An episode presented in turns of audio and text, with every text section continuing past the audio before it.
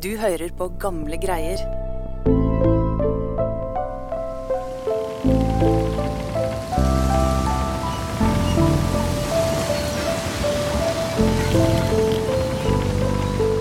I 1256 seiler et skip inn mot Tønsberg.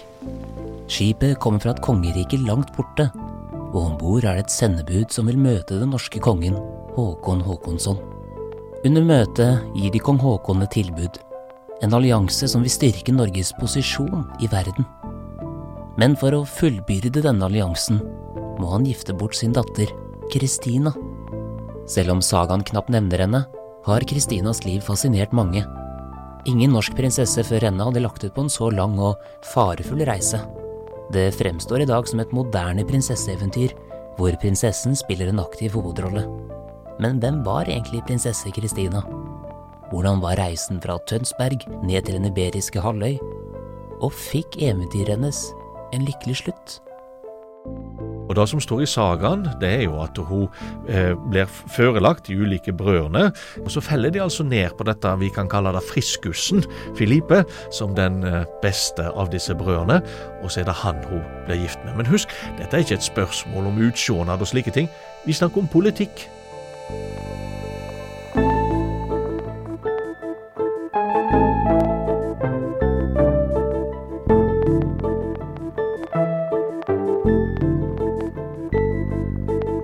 Velkommen til Gamle greier, podkasten hvor vi er på Nasjonalbiblioteket gir deg historier fra samlingen vår. Mitt navn er Lars Hammeren Risberg.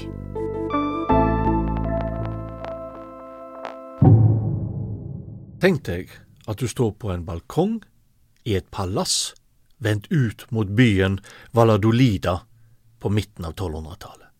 Framfor deg har du ei stor slette, midt gjennom den så renner det ei elv, i bakgrunnen så har du fjell, men ikke minst under deg så har du hovedstaden i kongeriket Castilla og Leon. Jørn Øyragen Sunde, professor i rettshistorie ved Universitetet i Oslo. Her er det kirkespir så langt du ser, her hører du kirkeklokke, og under deg hører du en kakofoni av ulike språk, og kanskje snakker de om deg.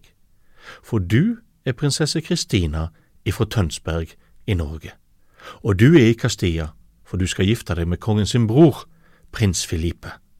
Et bryllup som det skal gå gjetord om, og som skal bli beskrevet i Håkon Håkonssons saga. Og sagaen bruker jo veldig store ord om denne hendelsen, men hvordan er det denne historien egentlig begynner, Jørn? Altså, Vi må begynne med at Norge i løpet av 1200-tallet, når borgerkrigene er slutt i 1240, blir etter hvert et veldig sterkt kongedømme, og det rår over en veldig stor flåte, så det er ikke bare internt sterkt, men det er, begynner å bli europeisk stormakt, rett og slett. Og Det gjør jo at prinsesse Kristina blir et interessant gifte for europeiske monarker. Så fyrsten i Novgorod ønskte at sønnen hans skulle gifte seg med prinsesse Kristina, men da blei det aldri noe av. Men i 1256 er det annerledes. Da kommer det et helt spesielt besøk til Tønsberg. De har reist via Frankrike og England, og kommer nå med en båt inn på havna i byen.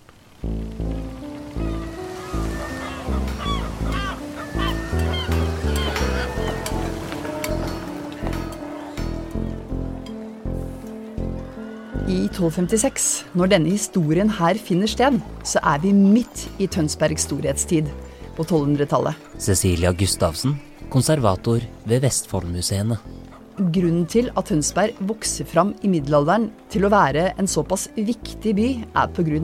lange tradisjoner med handel, rike jordbruksområder og strategisk plassering i Oslofjorden. Og pga. handelen så syder det av liv i Tønsberg. Vi har handelsreisende, vi har norske og utenlandske kjøpmenn som selger og kjøper varer.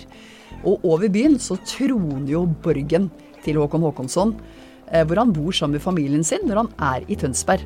Og det er på denne steinborgen her, bak murene, at prinsesse Kristina da oppholder seg når det kommer et besøk som skal forandre livet hennes.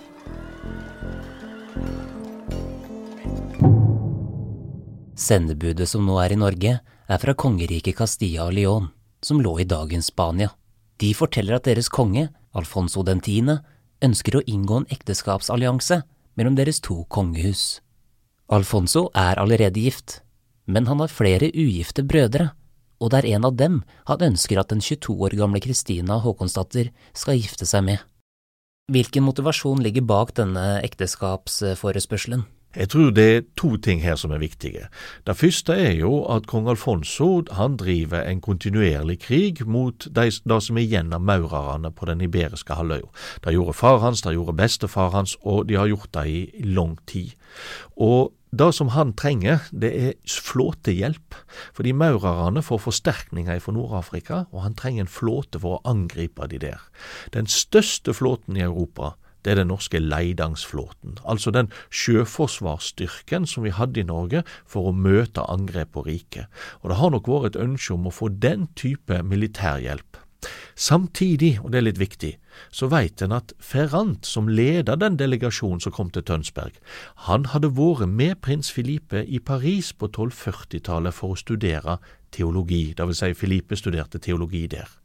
Og der kan han ha møtt biskop Peder ifra Hamar, fordi han studerte i Paris samtidig. Og Det kan nok være at eh, de to har snakket i lag allerede den gangen, og så har Ferrant senere foreslått dette for den spanske kongen, der han var kongelig notar, altså han hadde en veldig høy stilling i det spanske kongehuset. Ja, så hva sier da Kristinas far, kong Haakon, takker han ja til eh, den alliansen med en gang og bare sender dattera si av gårde? Det er ikke så enkelt at en bare avgjør avtalen der og da. Kong Haakon trenger å tenke seg om, det står i sagaen at han konsulterer både erkebiskopen og biskoper og riddere og stormenn, men til slutt så blir han alle enige om at Kristina skal reise til Castilla, så sant hun kan få velge hvem av prinsene hun skal gifte seg med. Og hun forlater da Tønsberg med over 100 personer ifra hoffet, ifølge Håkon Håkonssons saga.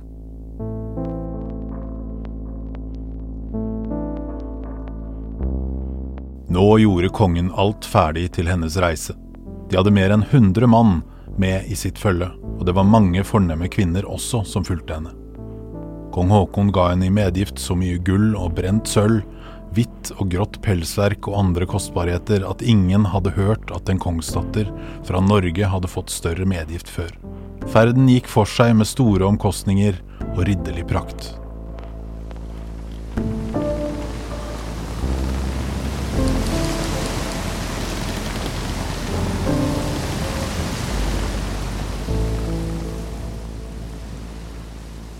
Cecilia, nå seiler Kristina vekk fra Norge. Jeg lurer på hvordan tror du dette må ha vært for eh, foreldrene, men ikke minst også for Kristina? Dette er jo åpenbart en stor begivenhet, men samtidig et betydelig ansvar eh, de nå gir sin datter.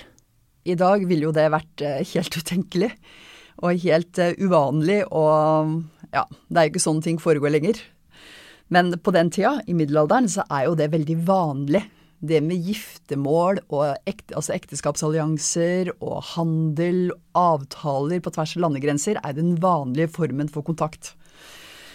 Sånn at eh, for Håkon Håkonsson, som selv etterstreber europeiske idealer og arbeider veldig hardt for at Norge skal være en stormakt på lik linje med andre europeiske riker, så er det her et veldig kjærkomment tilbud med en lukrativ avtale med eh, kongen av Leon og Castilla. Og Kristina hun er jo også selv vokst opp med det her. Helt ulikt hvordan det er i dag. Men når hun vokste opp, så er det en del av hennes kultur, og noe hun antageligvis har vært forberedt på siden hun var liten. At det ligger i korta at man er en del av familiens allianse og nettverksbygging.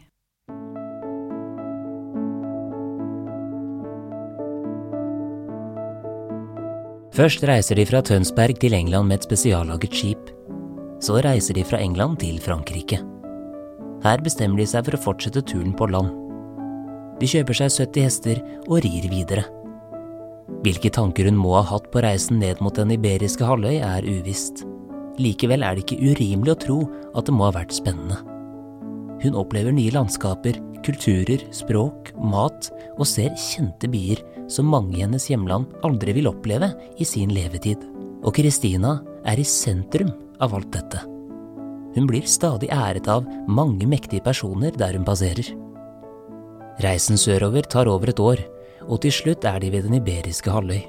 Da Christina ankommer Barcelona, rir kongen Aragon tre mil med et stort følge for å hilse på den norske prinsessen.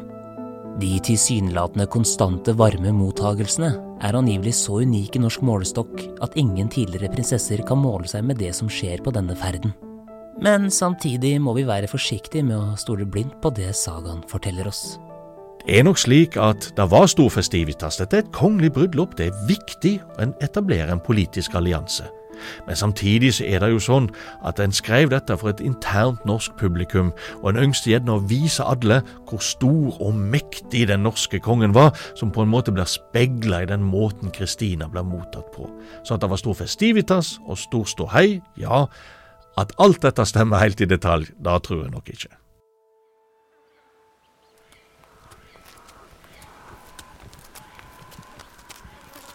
Den lange reisen fra Tønsberg til den iberiske halvøy varer over et år. Da Kristina endelig ankommer kongeriket Castilla i desember, blir hun møtt av et storslått syn.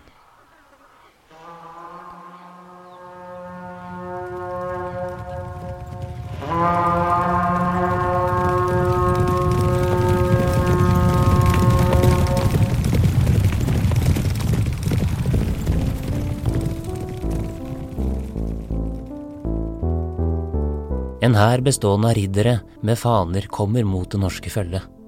Foran er kong Alfonso. Kongen hilser henne velkommen, som om Kristina er hans egen datter. Så fører han Kristina inn til Valladolida, hvor hun blir tatt godt imot.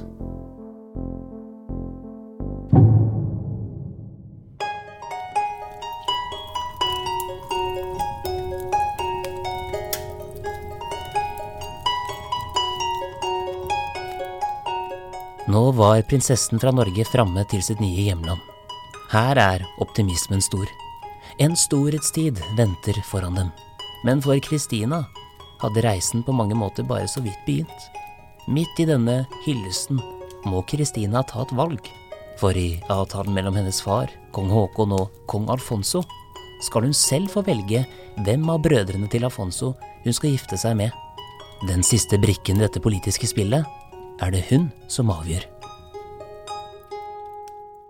Nå har Kristina ankommet Castilla og er langt unna familien, og hvis vi kun leser sagaen, så høres dette ut som tidenes utrykningslag og bare ri nedover Europa og bli hyllet av konger og riddere, men realiteten er jo at dette her er jo politikk, og det er vel nå den store jobben til Kristina med å klare å gjennomføre denne alliansen begynner. Ja, på mange måter, fordi det som er avtalt i Norge er at hun skal gifte seg med en av kongen sine brødre, men det er ikke avtalt hvem av de hun skal gifte seg med. Og det som står i sagaen, det er jo at hun eh, blir førelagt de ulike brødrene. Visstnok, ifølge sagaen igjen, så forklarer Alfonso de ulike brødrene sine kvaliteter, gode og sterke sider, og sagaen legger veldig vekt på dette her med at Filipe han er en friluftsmann, han liker jakt, han liker action, rett og slett. Og Kristina setter seg da ned med alle de stormennene som er med i følget, og så har de rett og slett en slags forhandling. Hvem av disse er det som hun passer best til å gifte seg med? Og så feller de altså ned på dette vi kan kalle det friskussen, Filipe, som den eh, beste av disse brødrene, og så er det han hun blir gift med. Men husk, dette er ikke et spørsmål om utsjånad og slike ting, vi snakker om politikk. Samtidig så snakker vi altså om ei ung kvinne si framtid, hennes ektemann.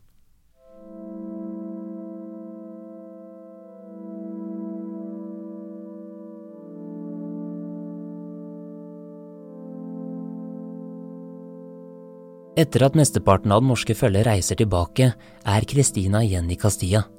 Sammen med ektemann Filipe flytter hun til Sevilla, hvor de bor i et palass. Filipe lover å bygge en St. Olav-kirke til sin Kristina. Om den faktisk ble bygget, kan vi ikke slå fast, men mest sannsynlig ikke. Det vi vet med sikkerhet, er at hun besøker en St. Laurentius-kirke, en kirke som hun også besøkte jevnlig i Tønsberg. Kanskje det gir oss et hint om at den norske prinsessens tilknytning til Norge fortsatt var sterk. Kanskje hun også mimret tilbake om livet i Tønsberg og familien hun antagelig aldri ville se igjen. Året er nå 1262. Ekteskapet har vart i fire år, men de har ikke fått noen barn som kan forsterke alliansen mellom Norge og Castilla. Og dessverre ender historien her, for da Kristina er 28 år gammel, dør hun plutselig mest sannsynlig av sykdom. Hennes bortgang fører til at alliansen ryker, og det som kanskje kunne blitt starten på en ny tid for Norge, forsvinner. Og hva denne nye tiden kunne ha blitt, vil vi aldri få vite. Kunne Kristina Håkonsdatter blitt en mektig kvinne på det europeiske kontinentet? Ville hennes barn beseiret maurene med hjelp fra norsk flåte? Og ville Kristina selv trekke i trådene for hvem av hennes barn som skulle giftes bort for å danne nye allianser? Som sagt vil vi aldri få svar på dette, men vi sitter igjen med en unik historie fra et kapittel i den norske middelalderhistorien. Hvordan tror du folk reagerte når det ble kjent at Kristina var død? Det er jo et eventyr som er slutt, fordi det er jo en eventyrlig fortelling, og sagaen bygger jo opp under alt det eventyrlige med sine beskrivelser av hvordan Kristina blir tatt imot med stor heder osv. Så, videre. så det er nok et eventyr som er slutt, men ellers så er jo eh, sagaen fattig på den type opplysninger, fordi den forteller ikke noe om at hun dør. Og sjøl når eldstesønnen til Håkon Håkonsson dør, så står det bare en setning om at kongen tok det tungt og at dette var et stort tap for riket, og så beveger en seg videre. Så det er ikke denne typen følelser at sagaen har et behov for å formidle, og den formidler det òg dårlig de gangene den prøver.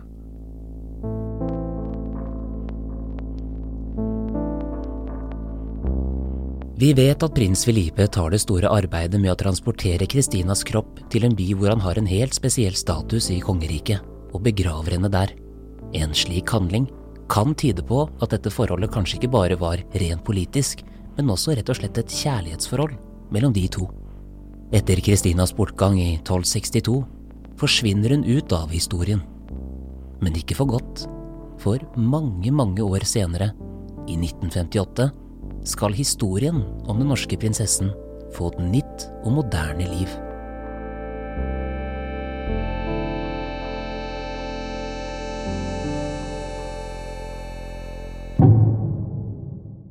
Cecilia, hva er det som skjer i 1958 som gjør at Kristinas uh, uh, liv uh, får en helt ny og moderne oppmerksomhet? I 1958 da skjer det at det er restaureringsarbeider i en stiftskirke i Covarrubias i Spania. Eh, og der får man åpna lokket på en eh, gammel steinkiste, en sarkofag. Og nedi der finner man et mumifisert skjelett av en kvinne på mellom 25 og 30 år. Og dette mener mange er prinsesse Kristina.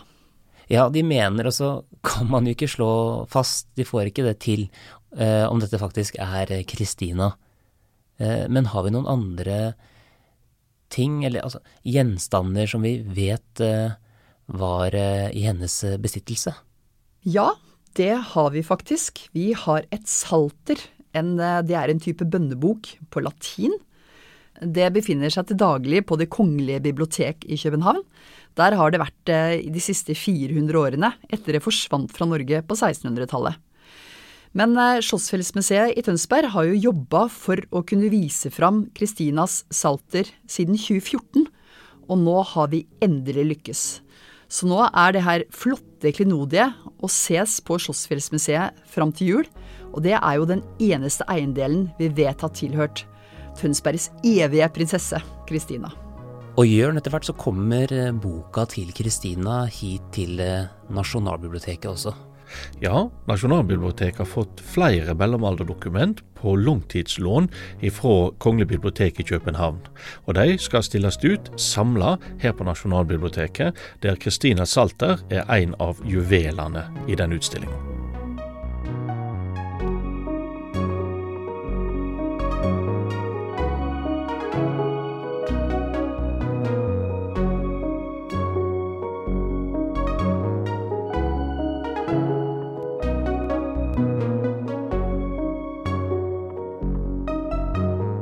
Hvis du ble mer nysgjerrig på denne historien, så kan du sjekke ut Håkon Håkonsens saga i vår samling på nb.no. Musikken du hørte i denne episoden, og som du hører akkurat nå, er skrevet og produsert av Therese Aune. Du finner mer av hennes musikk på thereseaune.com, eller der du strømmer musikk til vanlig. Du har også hørt harpemusikk fra 1200-tallet som ble spilt i Castilla. Produsenten bak denne innspillingen er Halstein Sarg Studio. Mitt navn er Lars Hammeren Risberg. På gjenhør.